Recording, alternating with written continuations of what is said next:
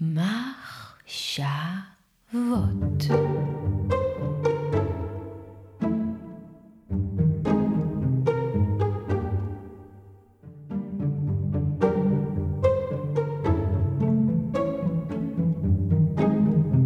כאשר רומזת לך האהבה, לך אחריה.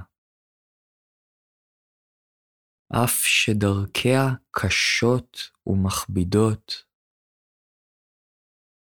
ואם כנפיה מרחפות מעליך, התכנס תחתן.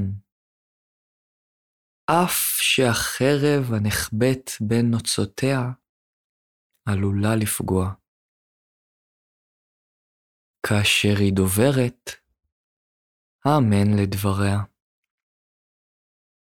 אף שקולה יהפוך בחלומותיך כרוח צפון בענפי הגן. האהבה תכתיר, גם תוקיע, תרומם, אף תשפיל. היא אשר תרום למלוא גובהך, ותחבק אמיריך האורגים לשמש. גם תשפיל רדת אל שורשיך, הנאחזים בקרקע, ותזעזעם. כגבעולי חיטים תלקטך, תחבוט שיבולך עד עירום תהיה, תטחן אותך עד דק, תלוש ותקלה, והיית לחם קודש לפולחן האל. כל אלה תעשה לך האהבה, וידעת פשר לבבך. ובידיעה זו היית לניצוץ מחיי הלב. אך אם מפחד תחתור רק להנאה ולשלווה שבאהבה. מוטב שתכסה מערומיך ותצא ממפתן האהבה. אל עולם בו תצחק, אך לא את כל צחוקך, ובו תבכה אך לא את כל בחייך. האהבה אינה אדון, ואין לה אדונים, היא לעצמה קיימת. כאשר אוהב אתה, אל תאמר אלוהים בליבי, אמור אני בלב האלוהים. לא אתה תכוון את דרכי האהבה, אלא היא. אם תמצאך ראוי, תכוון דרכך. אין לה לאהבה שאיפה, אלא להתגשם. אך אם אוהב אתה, ושוקק לבך, יכול תוכל לרוך כפלג הזורם, ורן שירו אל תוך הלילה. לדעת איסורי עדנת אין קץ, להיפצע בידיעתך את האהבה, להיות שוטט ברצון ובשמחה, להתעורר בלב נפעם ולהודות על עוד יום של אהבה, לנום לעת הצהריים ולהרהר בהתעלות הנפש שבאהבה, לשוב עם ערב בהודיה, ואז לנום תפילה אל הנאהבת בלבך, ושירת עדן על שפתיך.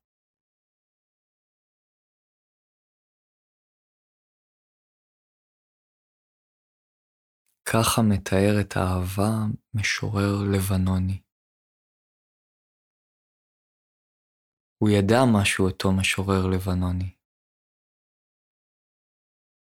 ידע איזה סוד והוא שכדי לדעת סודות, לדעת את מהות הדברים,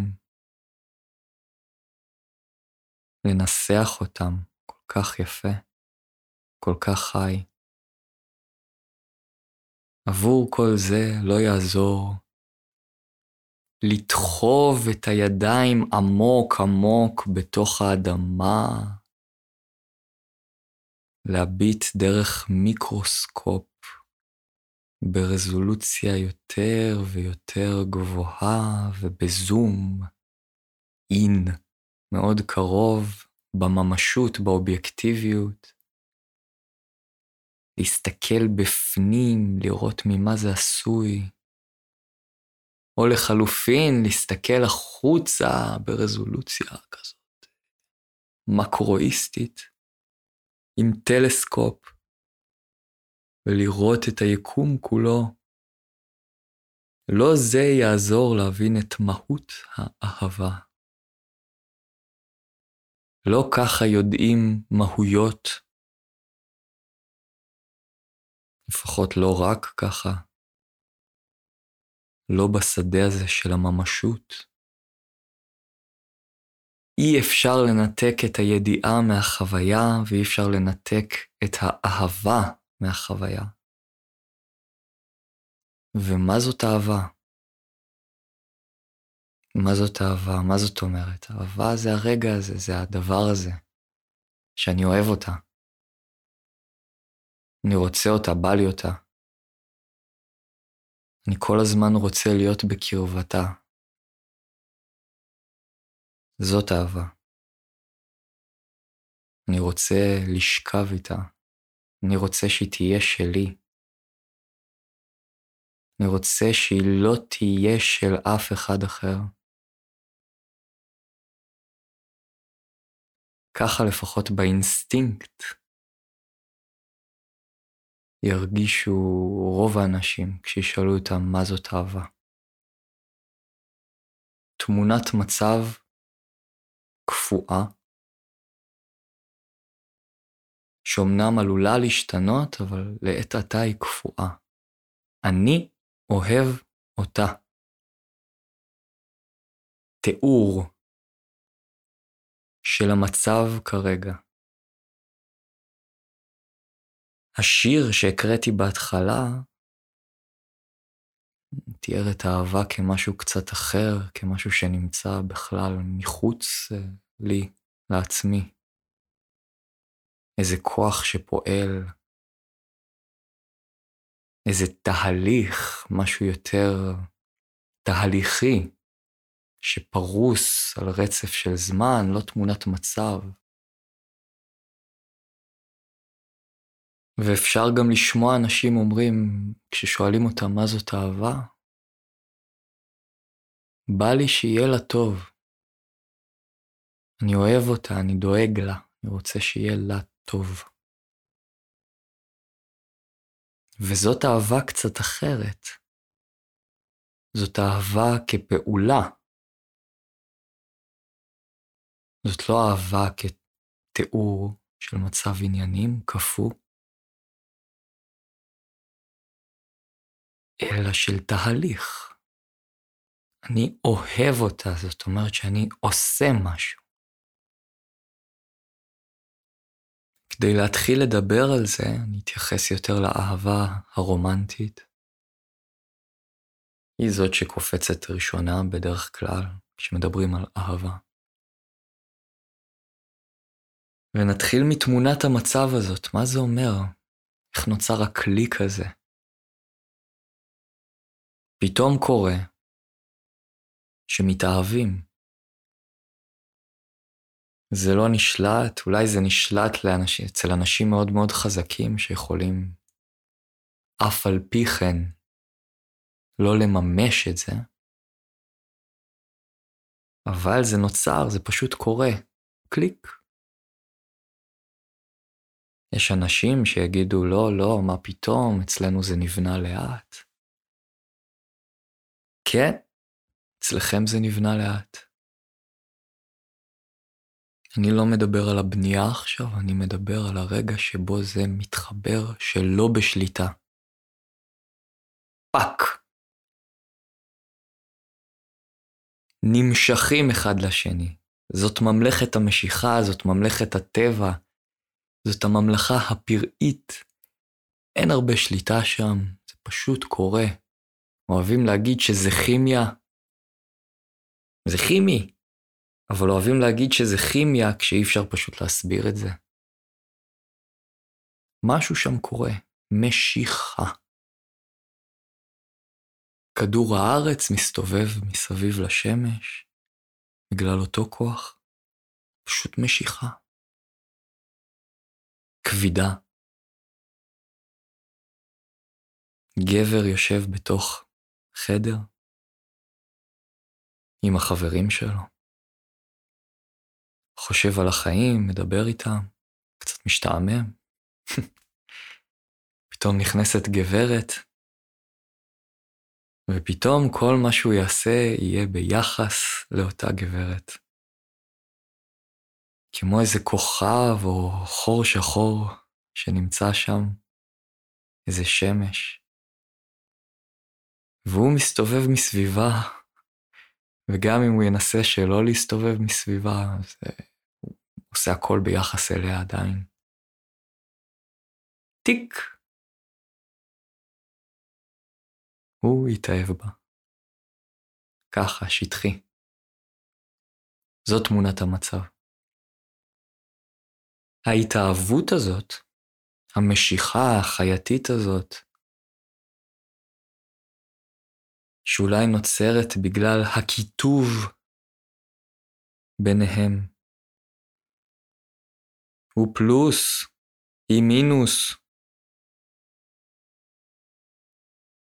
חשבתי שיהרגו אותי עכשיו שאמרתי דבר כזה, למה דווקא הוא פלוס? אם חושבים על איברי המין זה נראה ככה.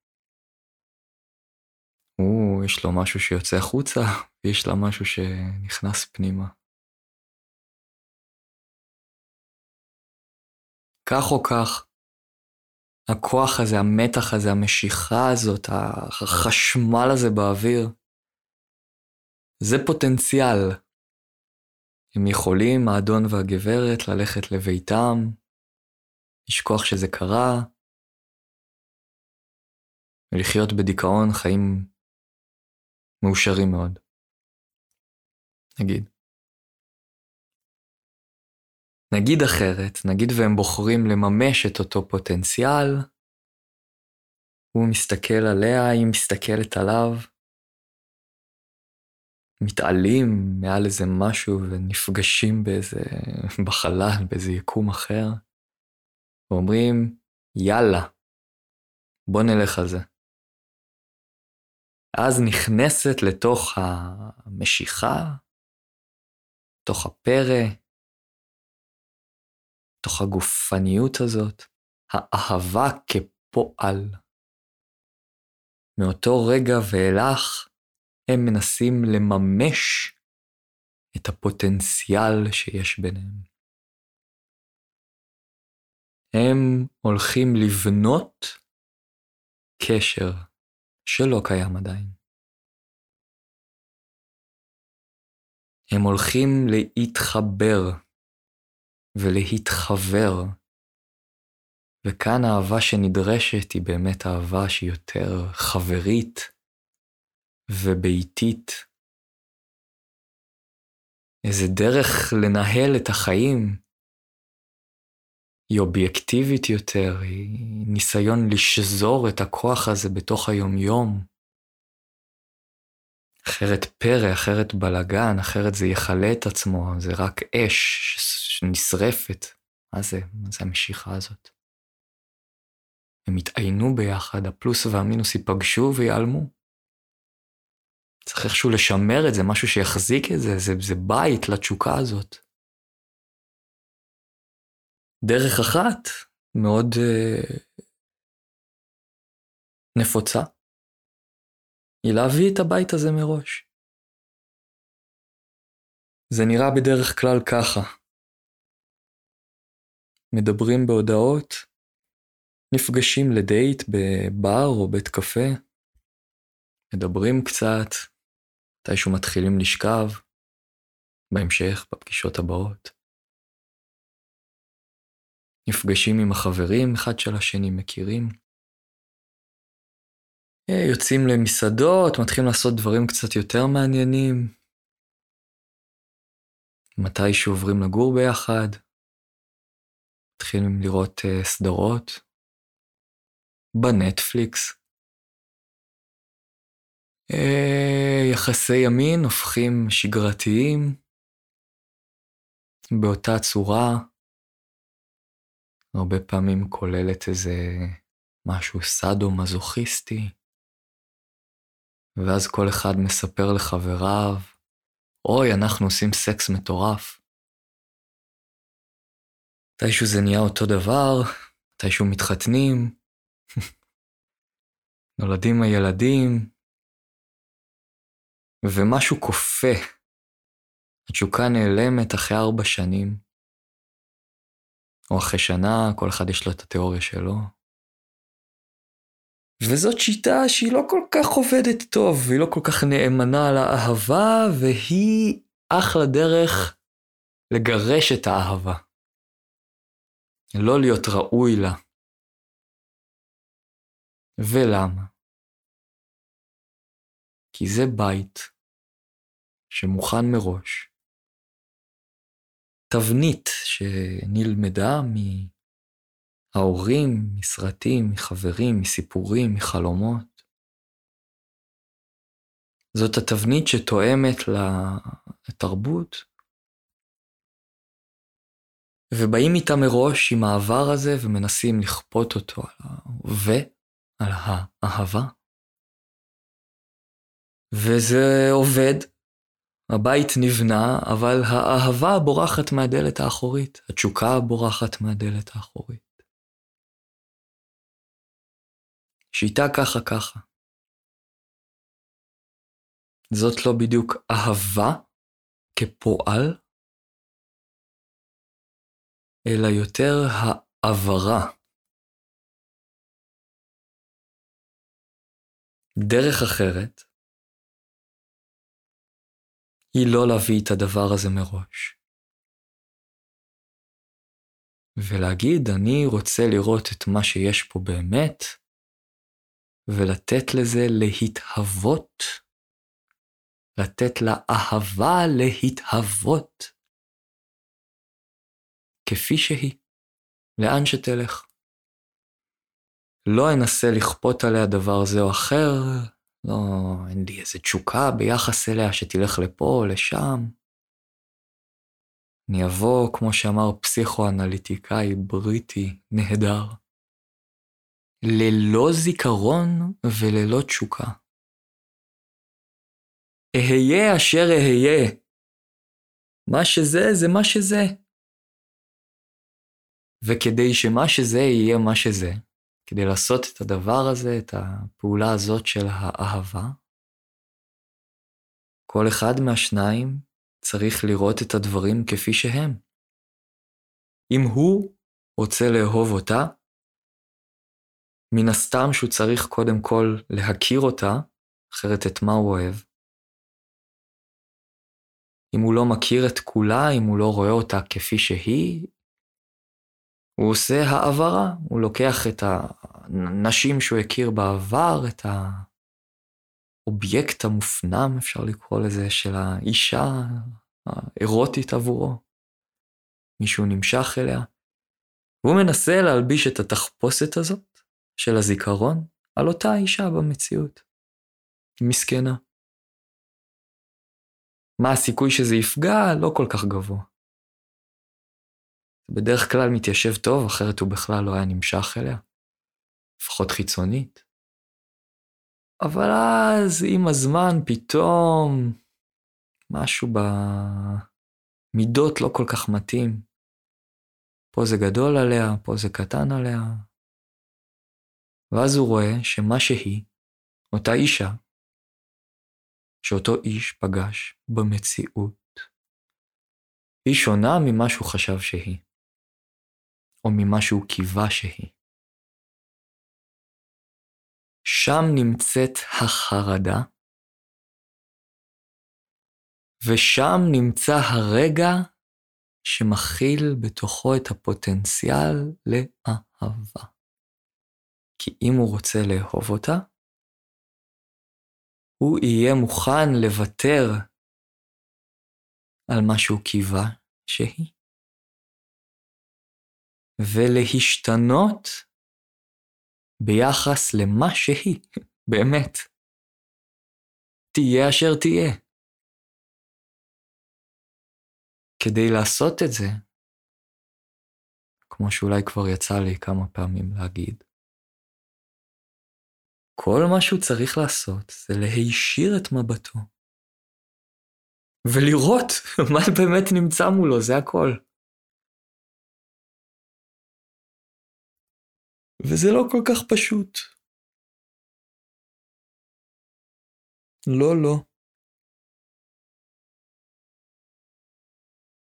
כי יש בה כל מיני דברים שהוא לא רוצה לראות. הם מפחידים אותו. הם מאיימים עליו. ואם הוא ייתן להם להיכנס, אז האישה הנפלאה הזאת שהוא חי איתה כבר אה, מי יודע כמה שנים בדמיון, היא צריכה למות. כי ייכנס משהו אחר, ייכנס צבע אחרת, ייכנס מנגינה אחרת, שתצרום לזאת שכבר נמצאת בפנים. הצרימה הזאת, הוא יקרא לה בטח חרדה, כרגיל, והוא יברח מזה. הוא יגיד לה, תגידי, מה, מה, מה עשית עם האקס הזה שלך? איך הייתי איתו כל כך הרבה שנים? כאילו, הבן אדם בטלן. מה, מה, מה, מה מצאת בו? כאילו, מה התלהבת ממנו? הוא כולו כזה שלוך. הוא כזה פראי כזה. מה, את לא מחפשת משהו הגון ויציב, כמוני? מה זה, מה, מה זה הדבר הזה שיש בך? מה זה הדבר הזה שאת, שנמשך למישהו כזה? מה, את לא... את לא טהורה? מה זה, מה, הייתם מתענגים ביחד?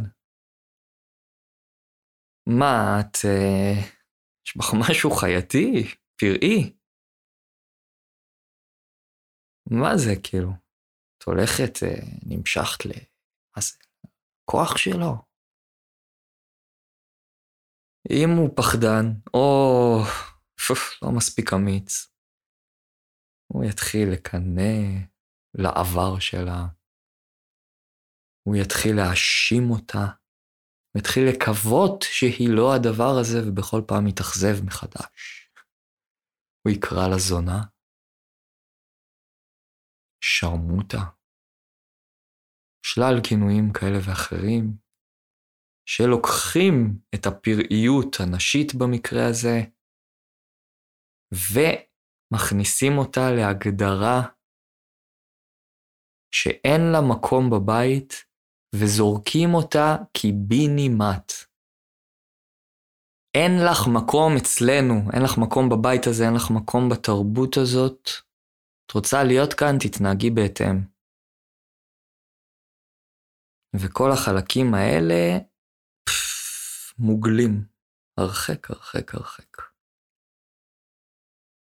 ומן הסתם שגם כל החלקים המראתיים, הקוטביים, ההפוכים, המנוגדים לחלקים האלה, המשלימים, זאת אומרת, אותו הגבר אותם החלקים בגבריות שהוא שונא, שהיא נמשכת אליהם, הם יוקצו גם בו. הוא ישנא את הפראיות של עצמו, הוא ישנא את ה... אלוהים יודע מה יש שם, אסרטיביות אה, קיצונית, מבט חודר כזה, כל הבד בוי הזה, זה הפיראט. כל אלה גם יעופו קיבינימט, אין להם מקום פה בתוך הבית הזה. זה יכול להיות בית ספציפי, זאת יכולה להיות תרבות שלמה. זה סירוס.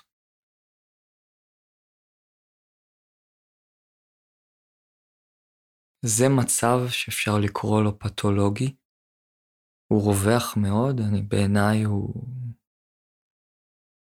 מגיע ביחד עם הכל. הוא נרכש, הוא בא בירושה. והמצב הזה הוא פיצול בין הפראיות והביתיות. יש שיתקוממו ויגידו זה תמיד מפוצל, מה פתאום, ברור. כל מה שנשאר מחוץ לבית זה הפרס, זאת ההגדרה. נכון מאוד, אבל הבית יכול להכיל המון המון המון דברים יותר ממה שכרגע נהוג שיכיל. ומה בעצם פתולוגי במצב הזה? זה המצב שבו האימהי מפוצל מה... תסלחו לי, דרך טובה יותר להגדיר את זה, מזונה. וזה מוגדר כזונה, כזנותי, רק כי זה לא בבית. אם זה היה בבית, היה אפשר להגדיר את זה אחרת. אבל זאת השררה, זה כל מה ששורר. כל מה שמלוכלך ומטונף. ואז נוצרים כל מיני מצבים כאלה. אנשים שהם חיים בזוגיות, יש את האימא של הילדים, ויש את המאהבת. וכל הזמן יש איזו מחשבה כזאת, איזו פנטזיה, אני אפרד מזאת, אני אשאר רק עם זאת. אני אעזוב את אשתי, ואז אני אוכל סוף סוף להיות עם זו שמעוררת בי כל כך הרבה תשוקה. אבל באופן אירוני ולא מפתיע, ביחס לדברים שנאמרו עד כה, אם אחת נעלמת, נעלמת גם השנייה. כי האישה עבור אותו הגבר, היא מפוצלת. וכשהיא באה, היא באה ביחד, שני הפיצולים, יש את זאת ואת זאת, זה לא יבוא בנפרד. הוא ייפרד מאשתו, ואז הוא גם יאבד את המאהבת.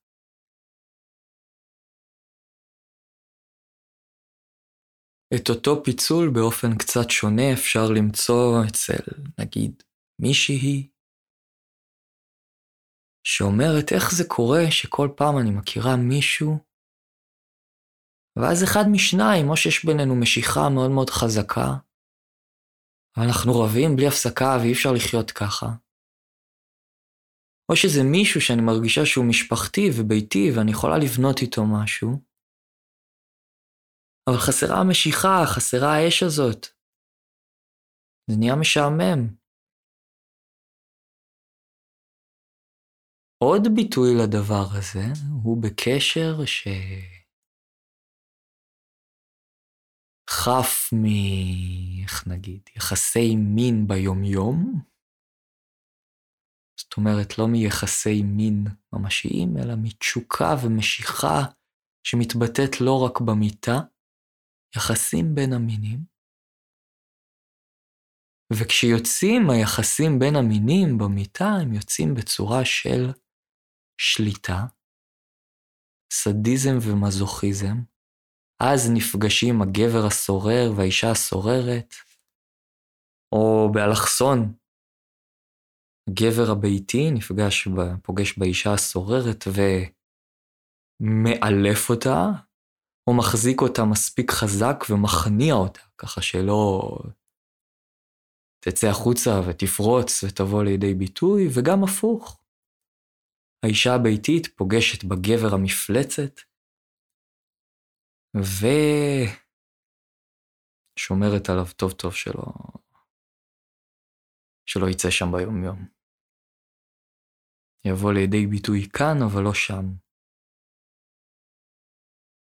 אותו דבר בפורנו. אנשים חיים את החיים שלהם רגוע ושקט, שוחרי שלום, אז בערב מאוננים על גבר שגומר על הפרצוף של נערות.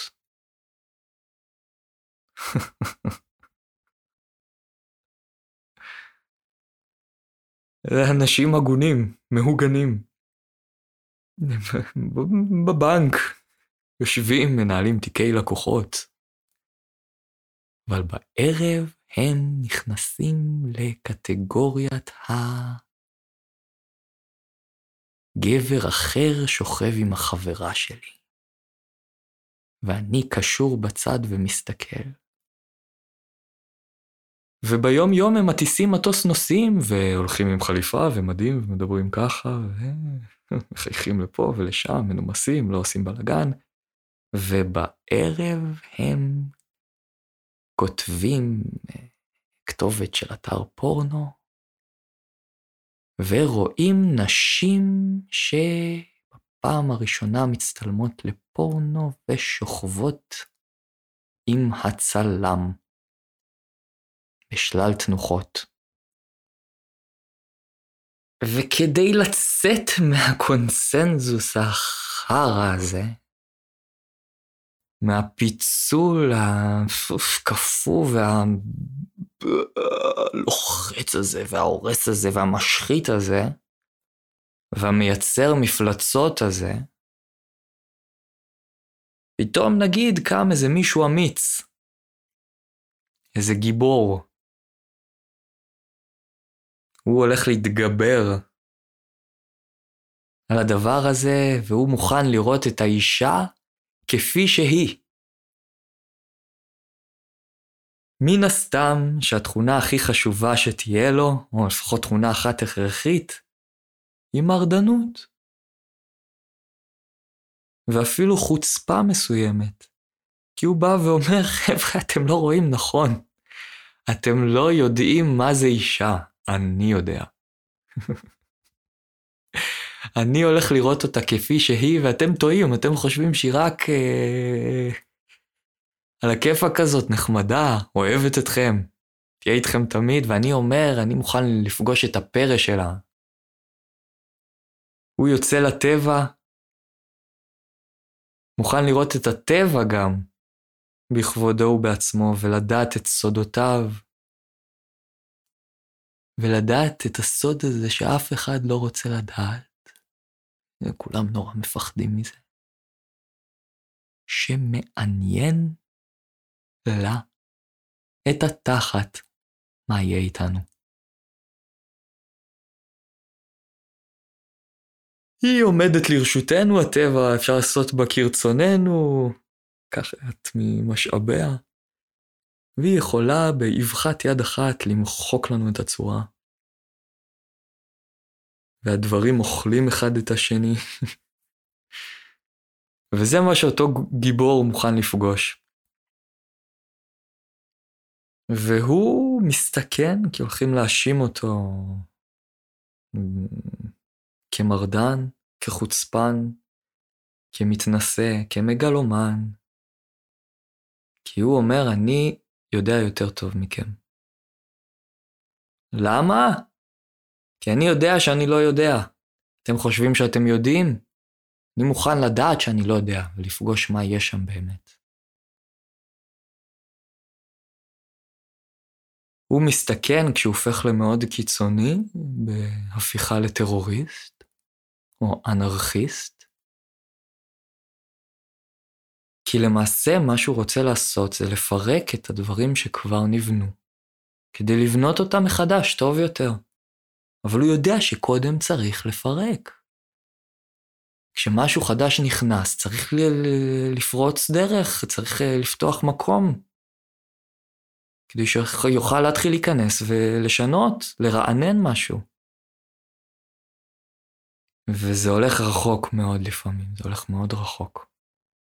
הדברים כבר נבנו, ככל הנראה אי אפשר להרוס אותם עד ליסוד, כל מיני אנשים ש... וקבוצות שמנסים לעשות את זה, ולא כל כך הולך להם.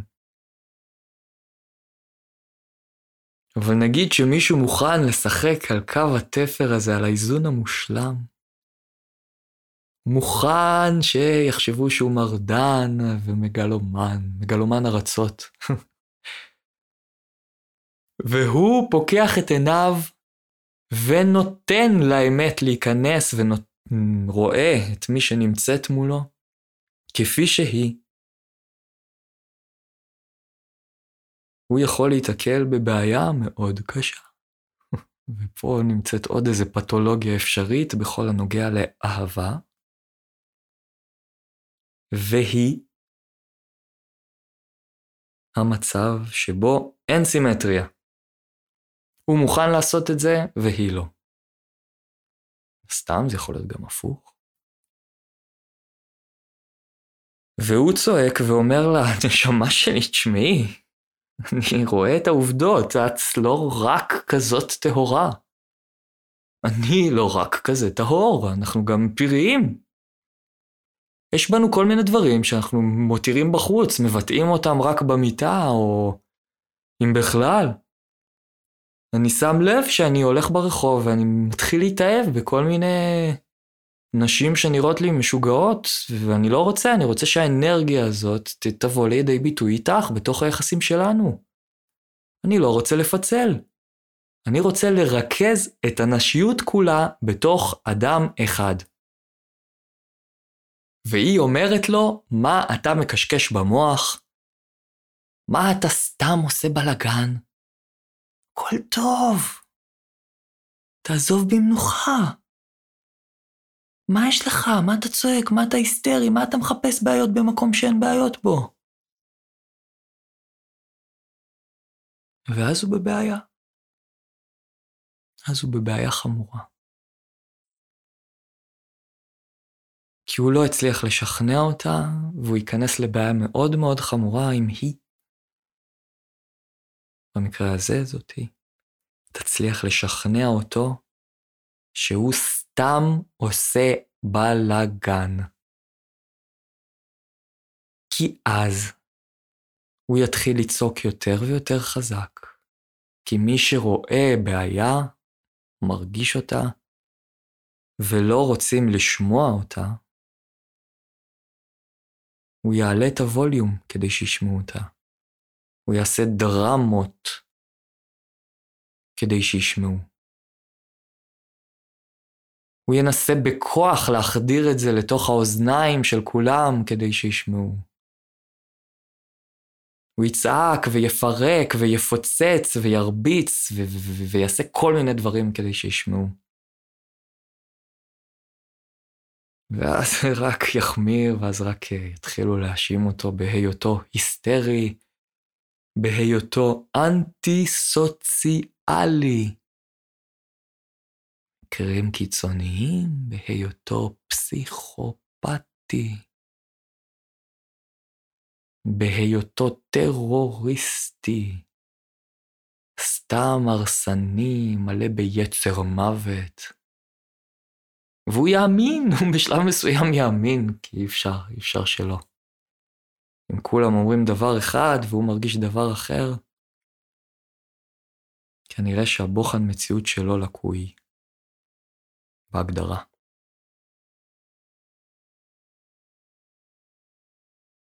אבל נגיד ואותו אדם איכשהו הצליח להשתחרר מהתחושה שהיצר שלו הוא רע, שהוא הרסני, שואף למוות. נגיד ומישהו בא ואמר לו, חביבי, אתה מזהה משהו נכון.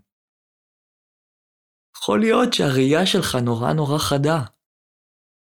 אתה מוכן משום מה, באומץ רב, לראות ברזולוציה גבוהה יותר את המציאות מאיך שאחרים רואים אותה. ספר לי מה אתה רואה, בוא נדבר על זה. אז אולי הוא יתחיל להאמין בעצמו, אז אולי הוא יהיה שלם עם הפרידה מאותה בת זוג שאמרה לו שיפסיק. אז הוא יהפוך לאיזה משהו, אה, איזה אלמנט אה, מחדש ומסקרן ומרענן בתרבות, בסביבה שלו, בקשרים, ואז הוא ילמד דבר מאוד מאוד חשוב על אהבה, הוא יבין איזו אמת. יתגלה לו איזה סוד,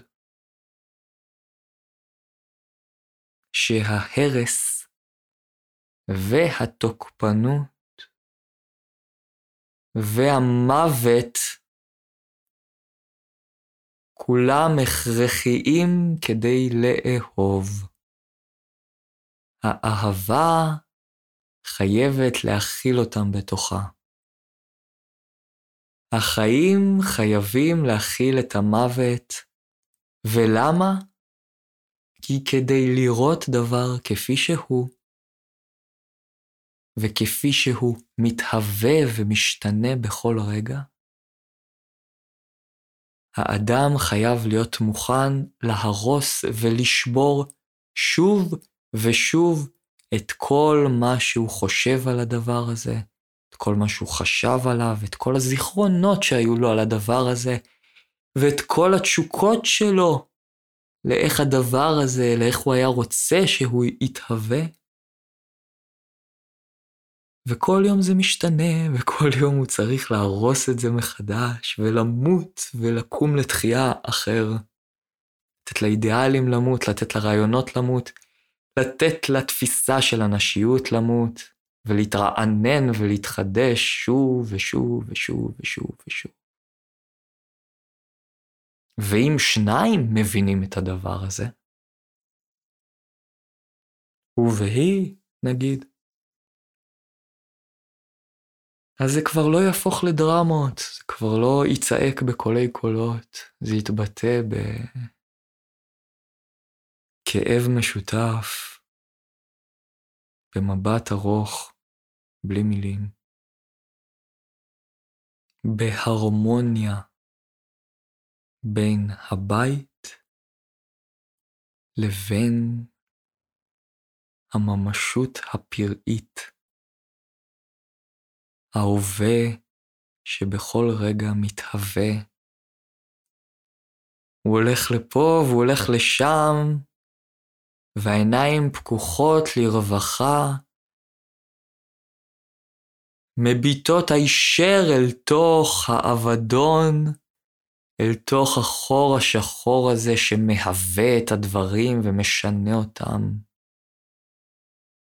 הוא מוכן להיכשל ולטעות, או אפילו רוצה להיכשל ולטעות שוב ושוב. כי רק הכישלון מראה לו איפה הוא נמצא ואיפה האמת נמצאת.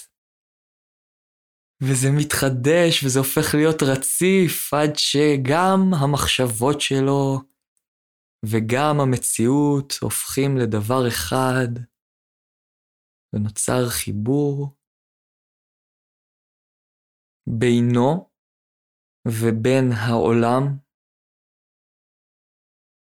ומשתקפים אחד לעיני האחר, העצמי והעולם, הגבריות והנשיות, הבית וכל הפרחחים שחיים בתוכו, המילים ומה שממלא את המילים, ההגדרות וכל מה שמוגדר. ומתוך המתח נולדת הרמוניה.